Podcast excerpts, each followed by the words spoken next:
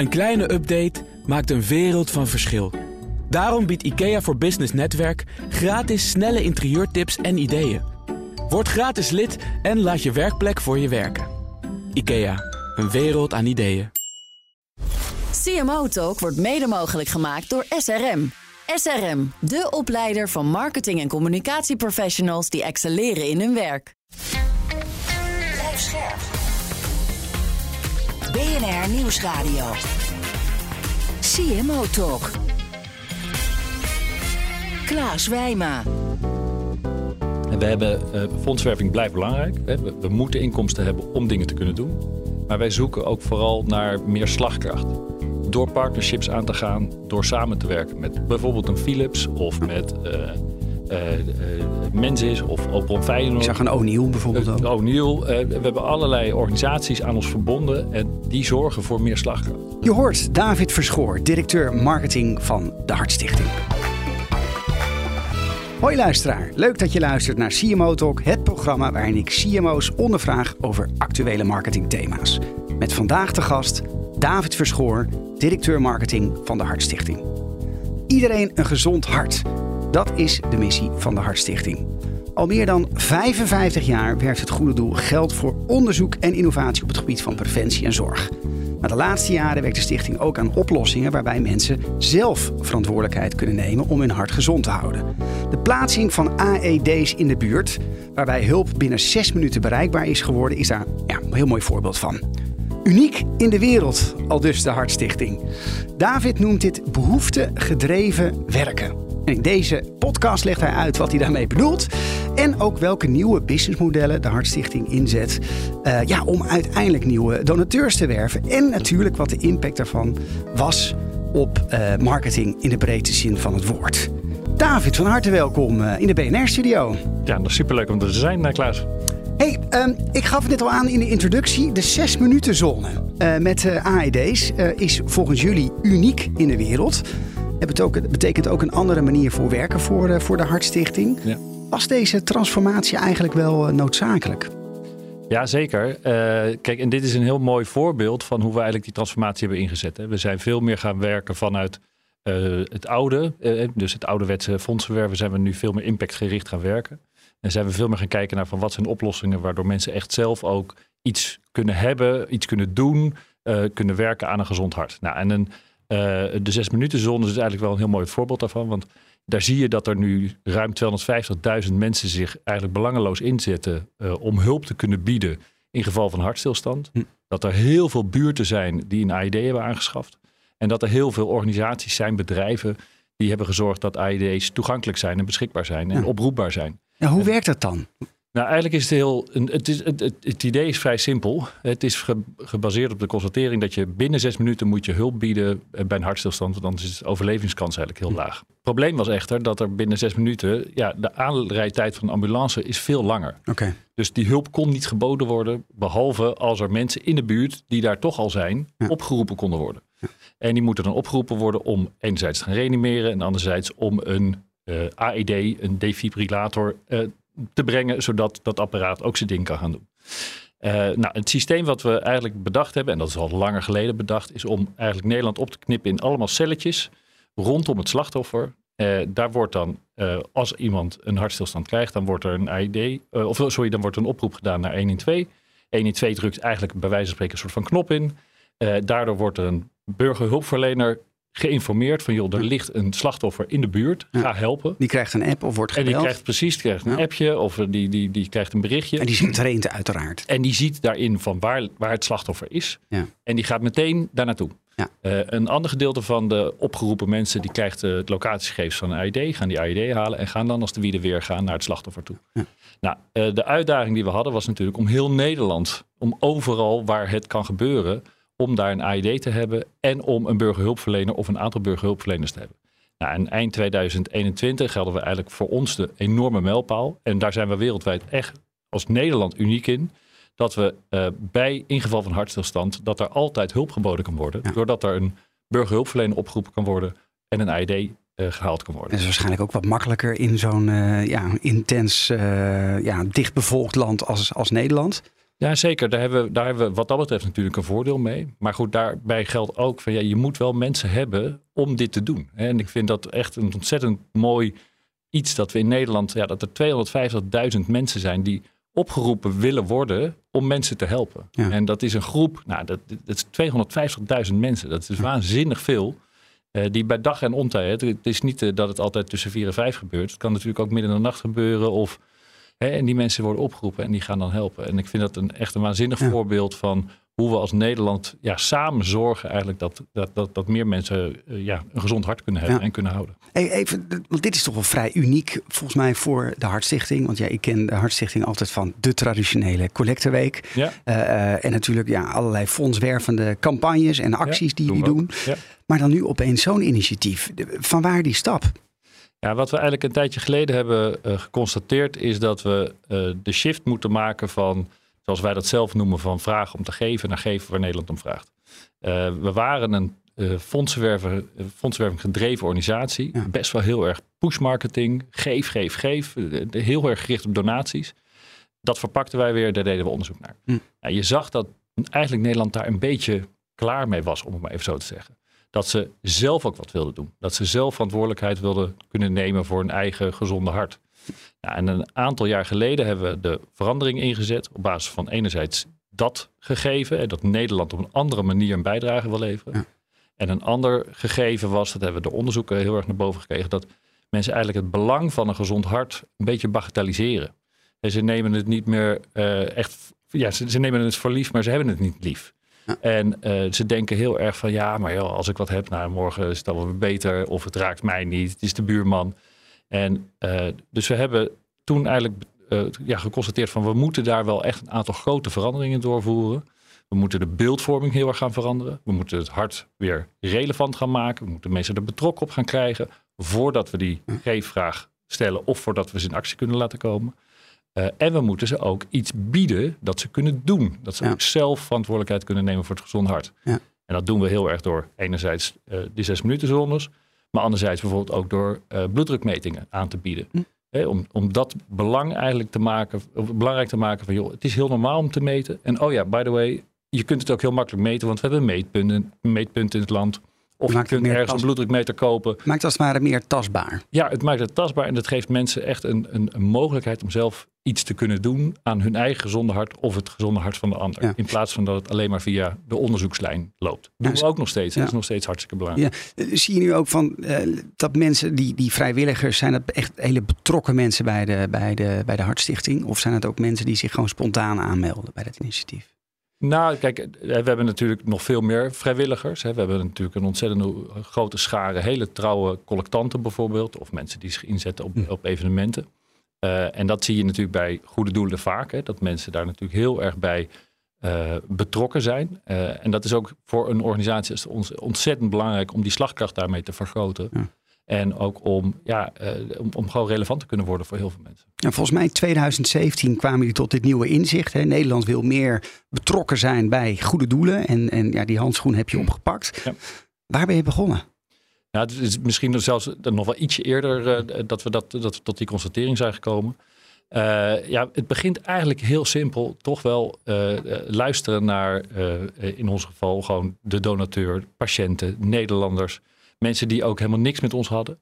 Dus we hebben heel veel onderzoeken gedaan, heel veel geluisterd. Hmm. Van joh, waarom eh, resoneert de boodschap nou niet? Of waarom vind je wat we nu doen eigenlijk niet goed of prettig? En wat moeten we dan doen? Nou, en eh, door heel goed te luisteren en dat ook te koppelen natuurlijk aan heel veel data-analyses en goed te kijken naar van joh, wat, wat gebeurt er nu eigenlijk? Kwamen we tot de conclusie van ja, als we doorgaan zoals we het deden, ja, dan, dan kabbelen we een beetje voort. Ja. En dat kabbelen, dat kwam letterlijk ook terug uit eh, iemand zijn, eh, eh, van, van een van de panelleden. kwam ook van ja, ja, de hartstichting, ja, dat kabbelt een beetje. Oké. Ja, als marketeer is dat natuurlijk niet niet blij echt van. iets waarvan je denkt van nou, dat, die, die, dat zetten we door. Dus Ja. nou, we hebben al dat soort inzichten verzameld. En op basis daarvan hebben we ja, eigenlijk ook wel een, een programma ingezet. Waarbij we wel wisten van dit is niet even 1, 2, 3 veranderd. Hm. Want voordat je de beeldvorming alleen al hebt veranderd van het hart, dan ben je echt lang bezig. En wat was de oud beel- oude beeldvorming en waar moest het naartoe? Nou, het oude beeld was, eh, eh, en dat was eigenlijk vervat ook in onze missie. Hè. We streden toen tegen hart- en vaatziekten. Ehm, en het beeld wat Nederland had was van, joh, het hart is niet zo belangrijk, hart- en vaatziekten. Maar is al opgelost, het is al klaar, het raakt me niet. En met z'n allen allerlei alibietjes. Hm. Terwijl wat we zien aan de andere kant, dat was natuurlijk de, de- ja, wel de, het burning platform. We zien een enorme toename in het aantal mensen dat geraakt wordt door een hart- of vaatziekte. Ja. Dat zijn nu iets van 1,4, 1,5 miljoen mensen. Dat groeit naar bijna 2 miljoen mensen, 1,9 miljoen mensen. Dus we zien dat een Dat enorme. jaar. Dat zijn mensen die per jaar een diagnose krijgen. Nou, dat is het, het- totaal van mensen dat een diagnose heeft van joh, Ja, en die hebben Die een moet ja, precies, die ermee moeten leren leven. Ja, en een heel groot gedeelte weet dat niet. Hm. Een heel groot gedeelte heeft een te hoge bloeddruk, maar weet het niet. Of heeft een onderliggende uh, hart- en vaatziekte en Ja. weet dat niet. Ja. Dus het probleem was heel duidelijk. We wisten ook dat de beeldvorming veranderd moest worden. En we wisten ook dat eigenlijk ja, de totale marketingaanpak ook veranderd moest worden. Willen we impact gaan maken? Want dat is natuurlijk wel wat we, waarvoor we op aarde zijn. We willen echt een verschil gaan maken. We willen impact gaan maken. Dat is zo'n fijn woord, hè, impact. Maar wat, Ja. wat is nou impact maken voor de Hartstichting? Nou, kijk, eh, we we hebben de missie veranderd. We hebben de missie veranderd van strijden tegen hart- en vaatziekten naar een gezond hart voor iedereen. Ja, en dan is impact dat je echt gaat zorgen met de organisatie, maar ook eh, met heel veel andere stakeholders, met partners, dat je gaat zorgen dat iedereen ook een gezond hart kan hebben en daarvan kan Mm. gaan profiteren en langer kan gaan leven. Ja, en dat is een, een eh, impact is wat dat betreft natuurlijk een, een, een droom. En die is bij ons natuurlijk ook vervat in KPI's en in cijfers en in eh, eh, concrete Ja, want hoe, meet je dat inderdaad? Nou, je kan het heel simpel meten, of heel simpel, het is helemaal niet. Het zijn rekensommetjes. Het RIVM eh, heeft daar rekensommen voor van hoeveel jaren eigenlijk mensen inboeten op kwaliteit van leven, hoe, hoeveel mensen er te vroeg overlijden. Eh, nou, dat kan je dan weer versleutelen tot een bepaald cijfer. Daar kun je op sturen. Ehm, maar de impact is voor ons ook heel erg ge- gelegen in het feit van dat we echt een grotere ambitie hebben. Dat we g- een, een, een groot probleem onder, onderkennen. Dat we zien dat we het niet alleen kunnen. Dat we iedereen nodig hebben. En dat we daar ook echt, echt het verschil in willen gaan maken. Hey, en, eh, wat is het verschil wat je hebt gemaakt inmiddels Nou, met die nieuwe strategie? Ja, nou, ik denk dat we eh, een heel groot verschil hebben gemaakt. We hebben eh, enerzijds hebben we een aantal eh, eh, basic dingen. We hebben meer inkomsten kunnen genereren, wat hartstikke goed is, want daarmee kunnen we meer onderzoek doen. Maar het verschil wat we hebben kunnen maken is eh, eigenlijk, en daar zijn die twee voorbeelden die ik ook net noemde, hè, bloeddruk meten en eh, eh, zes minuten zones. Ja, dat, dat zijn wel echt hele impactvolle dingen. Mensen meten nu veel makkelijker en veel meer hun bloeddruk. Waardoor heel veel mensen voortijdig eigenlijk weten oh jeetje, ik heb best een hoge bloeddruk. Ik kan er nu nog wat aan doen. Ja. In plaats van dat ze er pas achter komen als het te laat is. Zie je nu ook dat bijvoorbeeld het aantal sterfgevallen afneemt, het aantal diagnoses van een hart- of vaatziekte afneemt, of je er eerder bij bent bijvoorbeeld? Nou, kijk, daar zit een, een, een, een tijdselement aan. Dat, dat, eh, kijk, als je eh, bij bloeddruk meten, dan eh, kun je dat pas zien pas na een hele lange tijd wat eigenlijk het effect is op gezondheid. Hmm. Maar we zien, wij, wij meten het veel meer af op de parameters van joh, hoeveel mensen gaan nu hun bloeddruk meten. Hoeveel mensen vinden dat nou normaal? Hoeveel burgerhulpverleners hebben we? Hoeveel eh, zes minuten zones? Hè? Wat, wat zijn daar de, de, de positieve effecten van? En Ja. bij die zes minuten zone, daar kun je wel al heel duidelijk constateren. Dat redt duizenden levens per, eh, per jaar. Even over die inkomsten, want ik heb ook even naar jullie eh, jaarverslag gekeken en ik zag dat jullie vorig jaar 55 miljoen aan donaties ophaalden. Ja, dat is toch een vrij bescheiden groei ten opzichte van het jaar daarvoor, 5%. Is dat voor de Hartstichting voldoende impact? Eh, ja, omdat we de keuze hebben gemaakt dat fondsenwerving niet het, het, de, de holy grail is. Hm. En we hebben, eh fondsenwerving blijft belangrijk. We, hebben- we moeten inkomsten hebben om dingen te kunnen doen. Maar wij zoeken ook vooral naar meer slagkracht. Door partnerships aan te gaan, door samen te werken met bijvoorbeeld een Philips of met eh eh, eh, Mensis of Opel Ik Feyenoord. zag een O'Neill bijvoorbeeld ook. O'Neill. eh, we hebben allerlei organisaties aan ons verbonden en die zorgen voor meer slagkracht. En doordat we eigenlijk zijn gaan kijken naar enerzijds inkomsten, maar met name ook naar de impact die we willen realiseren, kunnen we wel constateren dat we wel succesvol zijn. Mooi. Ehm, hoe belangrijk is marketing nu bij de Hartstichting? Ja, kijk, uh, de Hartstichting is, is, is eigenlijk een, een, een marketing-communicatieorganisatie natuurlijk. Hè. Dat is, er zijn... Hoeveel marketeers werken er bij jullie? Nou, de totale organisatie is iets van 160 mensen. en binnen mijn afdeling werken zo'n 75 mensen. Marketeers, digital mensen, maar ook mensen die zich bezighouden met vrijwilligersmanagement, die partnerships sluiten, die campagnes maken. Dus het totale spectrum aan marketing, communicatie, partnerships, functies is daarin vertegenwoordigd. Ja. Is dat stabiel over de jaren of neemt dat juist door deze nieuwe strategie verder toe? nou, dat is de afgelopen jaren is dat wel wat gegroeid. Hm. en met name natuurlijk op het gebied van digital. Daar zie je natuurlijk wel een, een groei. Dat natuurlijk, ja, dat, dat zijn kanalen die, die zijn zo nu heel normaal. Maar goed, de afgelopen jaren is dat natuurlijk enorm toegenomen. Ja, ik, ik ben benieuwd um, met deze nieuwe strategie. Hè, veel meer ownership leggen, eigenlijk veel meer betrokkenheid bij, uh, bij de mensen. Veel meer bewustwording van, hey, weet je, het hart is er, maar je kan er ook wat aan doen. Hè, door middel van bloeddruk meten uh, en die zes minuten zones. Ik kan me ook voorstellen dat dat impact heeft op de manier waarop je naar de markt communiceert. Hè? Je marketingcommunicatie, maar ook je content. In hoeverre heeft deze transformatie ook echt impact gehad op de manier waarop jullie communiceren en wat doen jullie anders? Nou, het heeft heel veel impact gehad. Want uh, we communiceerden eh, lang geleden echt uh, eigenlijk heel erg gericht op de traan. Hè. Dat was eigenlijk altijd een beetje een soort standaard riedeltje bij goede doelen.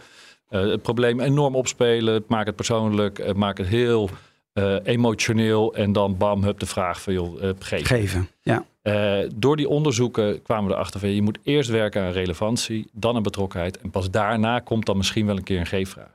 Ja. Uh, en uh, we zijn veel positiever gaan communiceren. En we zijn niet meer gericht op de ziekte, maar gericht op eigenlijk het leven.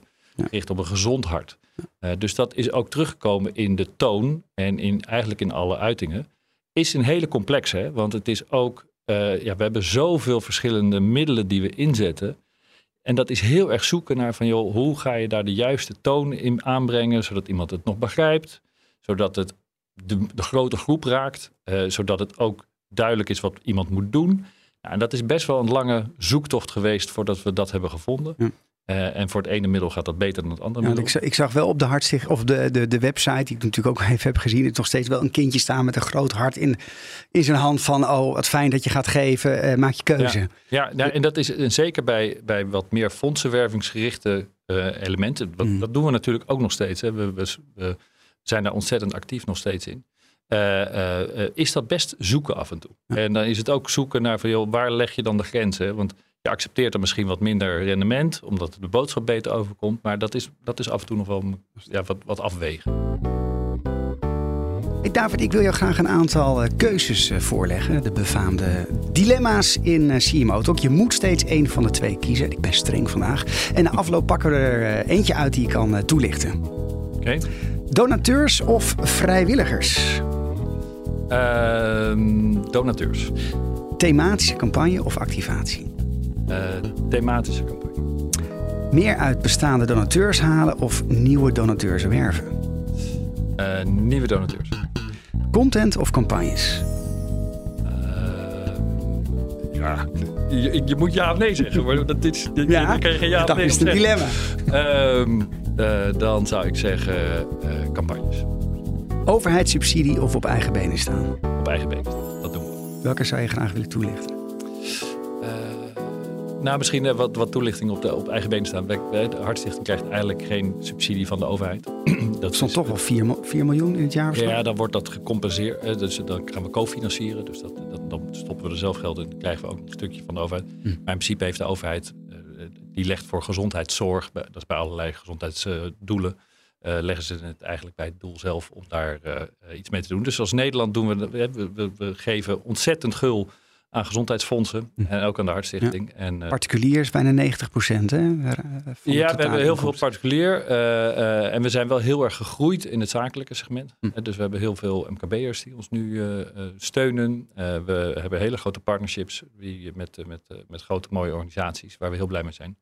Dus, hey, um, wat is jouw advies aan marketeers van NGO's die nu luisteren en die ook meer behoefte gedreven willen werken zoals jullie? Mijn advies is om uh, uh, vanuit de impactgedachte die heel veel goede doelen hebben, maar om ook te durven en te doen, om fouten te gaan maken en te proberen. Uh, en niet te veel vast te blijven hangen in het oude. eh, en in de wetenschap van dat het oude allemaal best wel leuk rendeert. Maar ga ook nieuwe dingen proberen. Is, is dat zo binnen, binnen de goede doelen? Dat er weinig ja, eh, mensen fouten durven te maken of willen veranderen? Ja, ja, ja, en dat heeft ook wel een beetje te maken met de passie die, die medewerkers hebben. Die, die, die, die leven natuurlijk ook heel erg in de wetenschap. van, Het, het geld wat ik uitgeef is van de donateur. En dat moet ook ergens echt iets gaan doen.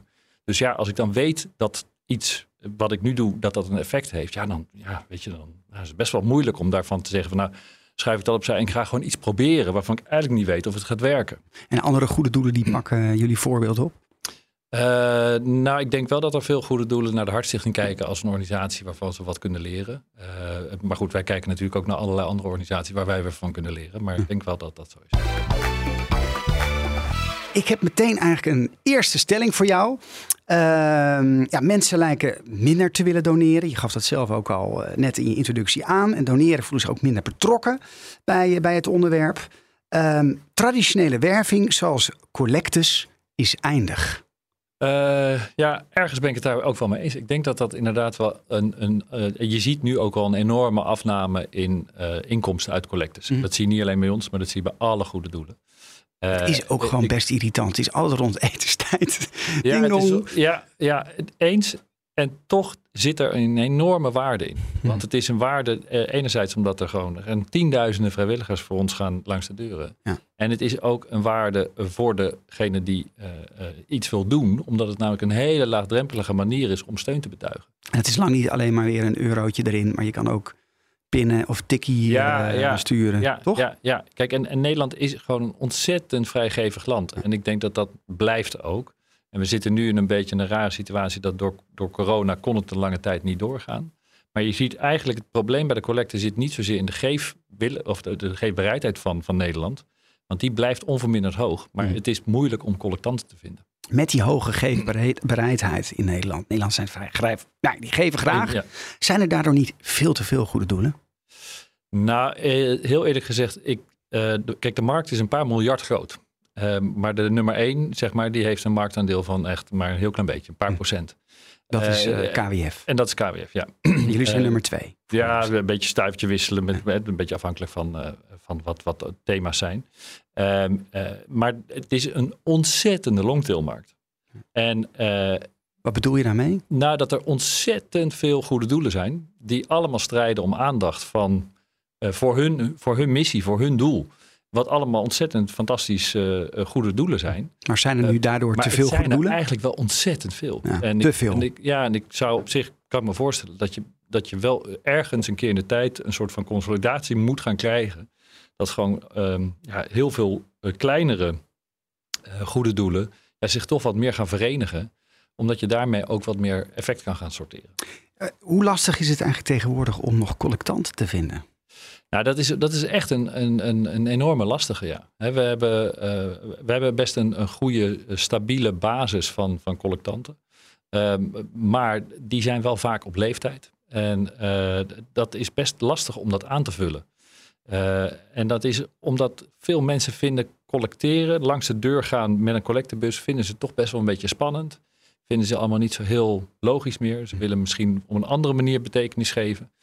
Ehm, eh, dus daar zit wel een uitdaging voor ons en voor eigenlijk voor heel veel doelen. Ja, want ik kan me ook voorstellen dat je op een, juist op een andere manier, vanuit die betrokkenheid, Ja. eh, betekenis wil geven. Dat, je, dat het ook wel een druk zou kunnen leggen, dat het cannibaliseert op nou, daadwerkelijk het geven zelf. Dat je zegt, nou, ik doe al wat, ik participeer, ik zet me in, zeker. eh, ik doe wat minder. Zien jullie dat ook? Ja, nee, zeker, zeker, zeker. Kijk, er zijn mensen die willen op hun manier willen ze natuurlijk een bijdrage leveren. En dat moedig ik alleen maar aan. Ja. Dat vind, vind ik alleen maar fantastisch.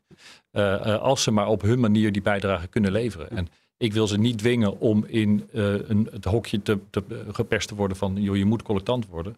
Als ze uiteindelijk als burgerhulpverlener eigenlijk op een veel mooiere manier een bijdrage Ja, precies. Dus uiteindelijk gaat het voor jullie om de missie een, een gezond hart voor heel Nederland. Ja.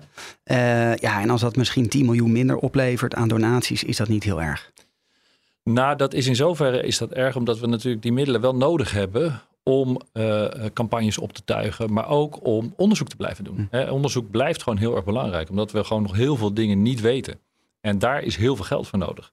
Ehm, dus eh, het, het is te makkelijk om te zeggen van joh, we gaan, het geld gaat, gaat eh, 10 miljoen minder. Want daarmee kunnen we dan uiteindelijk ook minder bereiken. Maar wij kijken veel meer naar hoe kunnen we zorgen dat we en groeien in inkomsten. En dat we veel meer impact gaan realiseren doordat we de eigenlijk slagkracht vergroten. Doordat mensen zelf ook iets gaan doen. Of dat partners voor ons eigenlijk de rekening oppakken en iets gaan doen. En dan even over die, de kostenstructuur dan van de Hartstichting. Je noemde net bijna de helft van het aantal medewerkers van de Hartstichting werkt op de marketing- en, en salesafdeling. Ja, ja, Donatieafdeling, communicatieafdeling. Is dat niet een beetje veel voor goed doel? Nou, dat, ja, nee, dat denk ik niet. Kijk, we, we, we hebben een ontzettende hoeveelheid uh, klanten, om maar even zo te zeggen. We hebben een ontzettende hoeveelheid. Hoeveel zijn het dat, Don donateurs? Ja, we hebben ruim 500.000 donateurs alleen al. Maar goed, we gaan natuurlijk bij veel meer mensen uh, gaan we, uh, komen, we, komen we nog binnen, om het zo maar te zeggen. Dus we hebben veel meer klantcontact. Um, we hebben ontzettend veel stakeholders die we moeten zien te organiseren. En we hebben ook als uh, voorlichtende taak die we natuurlijk ook hebben, ontzettend veel mensen die nodig zijn om content te maken. Om te zorgen dat uh, de site, hè, daar komen meer dan 11 miljoen unieke bezoekers per jaar naar hartstichting.nl. Ja. ja. dat die daar ook via goed geholpen worden en goed geïnformeerd worden. Als dus, ik je nu zeg van nou weet je misschien met 10 man minder, zou ik het ook nog draaiende kunnen houden? Ja, maar dat zou suggereren dat we daar nu niet uh, heel scherp naar kijken. En wij kijken natuurlijk ontzettend goed naar rendement, naar eigenlijk productiviteit. Uh, want want wij, wij, ja, wij leven natuurlijk wel dankzij de gift van, van donateurs. Hè? Dus we zijn daar heel alert op en heel kostenbewust mee bezig. En naar impact. En, en vooral kijken naar impact, ja, zeker. Stelling 2. Goede doelen kunnen niet meer zonder marketing. Ja, nou, dat, volgens mij is er geen goed doel die daarvan zou zeggen van nou dat, uh, dat is niet zo. Of dan, de, de, de, de, nee, natuurlijk heb je marketing nodig, marketingcommunicatie nodig om je te onderscheiden, om binding te krijgen met, uh, uh, met de donateur, met degene voor wie je het doet. Um, om, om, ja, om eigenlijk betekenis te hebben. Zou, zou je iets anders kunnen formuleren dat misschien goede doelen aan het infuus liggen van marketing? Nou, dat, ik denk dat, kijk, marketing is natuurlijk gewoon een, een organisatieactiviteit. Uh, het is gewoon een onderdeel van je strategie. En uh, kijk, het, aan het infuus, ik denk dat er veel organisaties aan het infuus liggen van uh, eigenlijk fondsenwerving. Om maar even heel, heel zwart-wit te zeggen. En dan zeg ik het ook best, best een beetje te negatief. Maar er zijn veel goede doelen die zo afhankelijk zijn van fondsen. En of dat nou giften zijn of van gelden die ze krijgen van weet ik veel wat, organisaties of loterijen. Ja, ja je moet natuurlijk altijd wel heel goed nadenken van wat is de relevantie die ik heb en welke waarde voeg ik toe uh, voor wat ik krijg. En ja, je moet dat, dat, dat, dat, daar zit het misschien wat meer. Ik heb nog een paar persoonlijke vragen voor jou. Daar ben ik ook natuurlijk heel benieuwd naar. Wanneer in je carrière ben je gevallen en hoe ben je weer opgestaan? Um, nou, er zijn natuurlijk wel momenten dat, je, dat dingen uh, anders lopen dan zoals je ze verwacht had. uh, en carrière-wise ben ik ook wel gevallen in dat, dat, dat gewoon, ja, dat, je, dat je er, dat het dienstverband ophoudt, om het zo maar te zeggen. en daar leer je wel heel veel van. Ik heb ooit een keer, toen ik bij uh, Marktplaats uh, eBay werkte, ben ik naar Amerika. Mocht je naar zo'n summer course, hartstikke mooi. En toen kwam ik daar de CMO tegen van PepsiCo of Cola, of Coca-Cola, zoiets. En die zei heel Amerikaans van ja, ik gun jullie, tegen, en het was een, een hele internationale groep, ik gun jullie dat jullie minimaal twee keer echt op een gruwelijke manier ontslagen worden. Want daar leer je van. En op dat moment dacht ik van, nou, wat een ontzettend Amerikaans verhaal. Uh, maar op het moment dat het mezelf eigenlijk overkwam, uh, en pas weken uh, of maanden, ja. maanden later, toen dacht ik van ja, hij had wel gelijk. Want het is wel, het, het, werkt louterend. Het is heel vervelend als zoiets gebeurt, omdat het altijd, en het was niet gruwelijk, maar dan, het is vervelend dat zoiets gebeurt, hè, dat mm. verwachtingen uit elkaar gaan lopen. Je leert daarvan dat je, dat verwachtingen soms uit elkaar kunnen gaan lopen. En dat, dat, uh, dat, dat, dat een organisatie een andere sporing kan gaan dan jij als persoon kan gaan. En dat dat ook niet heel erg is. En dat dat heel snel emotioneel getrokken wordt. Uh, en denkt van, joh, jeetje, ik heb dingen fout gedaan. Of ik heb, of die heeft wat fout gedaan. Maar dat het soms ook gewoon een fact of life is. Als je een billboard zou krijgen die de hele wereld zou zien. Welke boodschap zou je erop zetten? Nou, de hele wereld. Jeetje, dan moet ook een groot billboard zijn. um, even denken. Um, ja, dit is een beetje een, een, een algemene, maar probeer en leer. En maak een fout en ga op je bek. En, en, en leer daarvan. En dat probeer ik ook intern heel erg mee te geven. Joh, weet je, laten we ook gewoon proberen. En dingen die je niet weet, ga proberen. Maak fouten. Iedere, iedere dag een fout gemaakt, fantastisch. Welke fout heb jij legendarische fout heb je gemaakt bij de Hartstichting? En wat heb je daarvan geleerd? Nou, een van de fouten die ik heb gemaakt is dat ik uh, eigenlijk tegen de klippen op uh, in discussie over u en je in aanspreekvorm, in bijvoorbeeld in brieven, vond ik van nou, we moeten dat persoonlijker maken. En u is heel erg van niet meer van deze tijd. Uh, dus ik zei van nou, we gaan gewoon je doen. Bam, hupskee, knal, hup en erdoor. Uh, er waren heel veel medewerkers die zeiden van dat moeten we niet doen, want deze groep vindt dat helemaal niks, et cetera, et cetera. Ik zei nee, dan gaan we gewoon doen. Ja, en daar ben ik wel op terug, teruggekomen door de, toch wel wat klachten die kwamen. Zeiden van ja, sorry, maar we zijn uh, niet op zo'n basis met elkaar.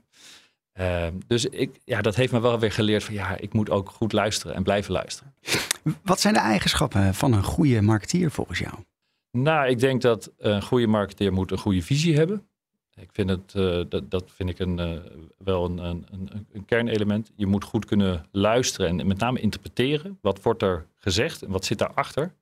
Hey, want luisteren kan heel snel zijn van, joh, ik, ik hoor wat je zegt. Maar nee, dit, ik hoor wat je zegt, maar dit bedoel je eigenlijk toch? En, hmm. hè, dus dat interpreteren, dat vind ik een hele belangrijke. En ik vind eigenlijk ook het creatieve element een hele belangrijke. Om het op een andere manier toch weer terug te laten komen naar diegene dan die misschien had verwacht. Of dan naar de klant dan die had verwacht. Uh, want door creativiteit krijg je ook een bepaalde mate van uh, verschil kunnen maken. En, en, en, en dat je standing out of the crowd. als je niet creatief kan zijn, dan blijf je eigenlijk ja, een, beetje, een beetje grijs. Je bent nu CMO bij de Hartstichting, al een tijdje inmiddels. welk advies heb je voor ambitieuze, startende, jonge marketeers die luisteren? En die zeggen, ja, ik wil uiteindelijk ook David worden. Ja, ga werken bij een organisatie als de Hartstichting. En dat zeg ik niet uh, uh, omdat, ik, uh, omdat we heel veel mooie vacatures hebben. Dus vooral kom. maar omdat ik echt ervan overtuigd ben dat je bij een organisatie als, als de Hartstichting echt ontzettend veel kunt leren. Als marketeer, als jonge marketeer. Omdat we juist zoveel doelgroepen aanspreken. Omdat we zoveel verschillende boodschappen hebben. Zoveel verschillende uitdagingen hebben de complexiteit bij een goed doel is vele maten groter dan vaak bij commerciële bedrijven. En daar leer je ontzettend veel van. Um, ik heb ook een estafettevraag uh, voor jou. Want uh, vorige, in de vorige aflevering had ik Jolanda Ravenek, de CMO van Lucardi, in de, in de studio. En zij heeft een vraag voor jou. Hoe lukt het de Hartstichting om relevant te blijven voor een brede doelgroep? En hoe zorg je ervoor dat je de meeste mensen bereikt? Ja, het is een hele, hele goede vraag. Uh, kijk, vanuit onze missie zijn we er voor iedereen. Maar uh, we weten eigenlijk ook inmiddels wel dat een soort eenzijdige boodschap, dat dat niet iedereen goed raakt. de campagnes die we hebben gevoerd rondom het gezonde hart, daarvan zagen we dat dat een grote groep bereikt, maar dat het ook een grote groep niet bereikt. Mm. Dat ze daar eigenlijk niet voor openstaan. En het is onze uitdaging wel om te zorgen dat we juist ook eigenlijk iedereen op de goede manier kunnen bereiken. Maar dat is wel een discussie die we ook nu hebben. Van ja, kunnen we dat? En kan het überhaupt? Hè? Want het zijn misschien hele tegengestelde boodschappen. De ene groep die heeft niks met het gezonde hart. Die, die, die denkt van joh, laat maar. De andere groep die is misschien een beetje angstig zelfs daarvoor. De andere groep staat er juist heel erg open voor. Een volgende groep die zegt van ja, maar ja, dat vind ik echt een, een taak voor een ander.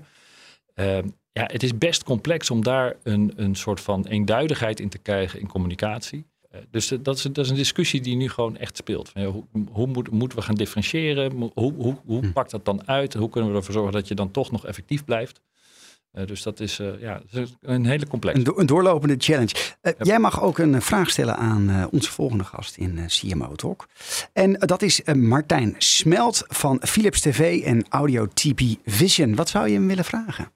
Nou, wat ik wel heel erg benieuwd ben, is naar zijn beeld ten aanzien van het merkgebruik van Philips. Het, het, het, het, brand Philips eh, kan eh, in zijn geval heel erg negatief beïnvloed worden door gevolgen of ontwikkelingen die buiten zijn eigen organisatie omgebeuren. Lees nu bijvoorbeeld met alle apneuapparaten bij Philips Health. Uh, dat heeft ook een effect, denk ik, op het merk waar hij mee bezig is. Ik ben heel benieuwd hoe hij daarmee omgaat. We gaan het hem vragen.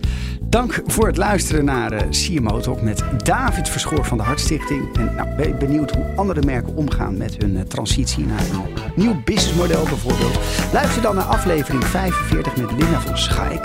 Zij is de General Manager Global Customer Marketing bij Shell. Over twee weken ga ik in gesprek met Martijn Smelt van Philips TV en Sound TV Vision. Tot dan. CMO Talk wordt mede mogelijk gemaakt door SRM. SRM, de opleider van marketing- en communicatieprofessionals die excelleren in hun werk. Een kleine update maakt een wereld van verschil. Daarom biedt IKEA voor Business Netwerk gratis snelle interieurtips en ideeën. Word gratis lid en laat je werkplek voor je werken. IKEA, een wereld aan ideeën.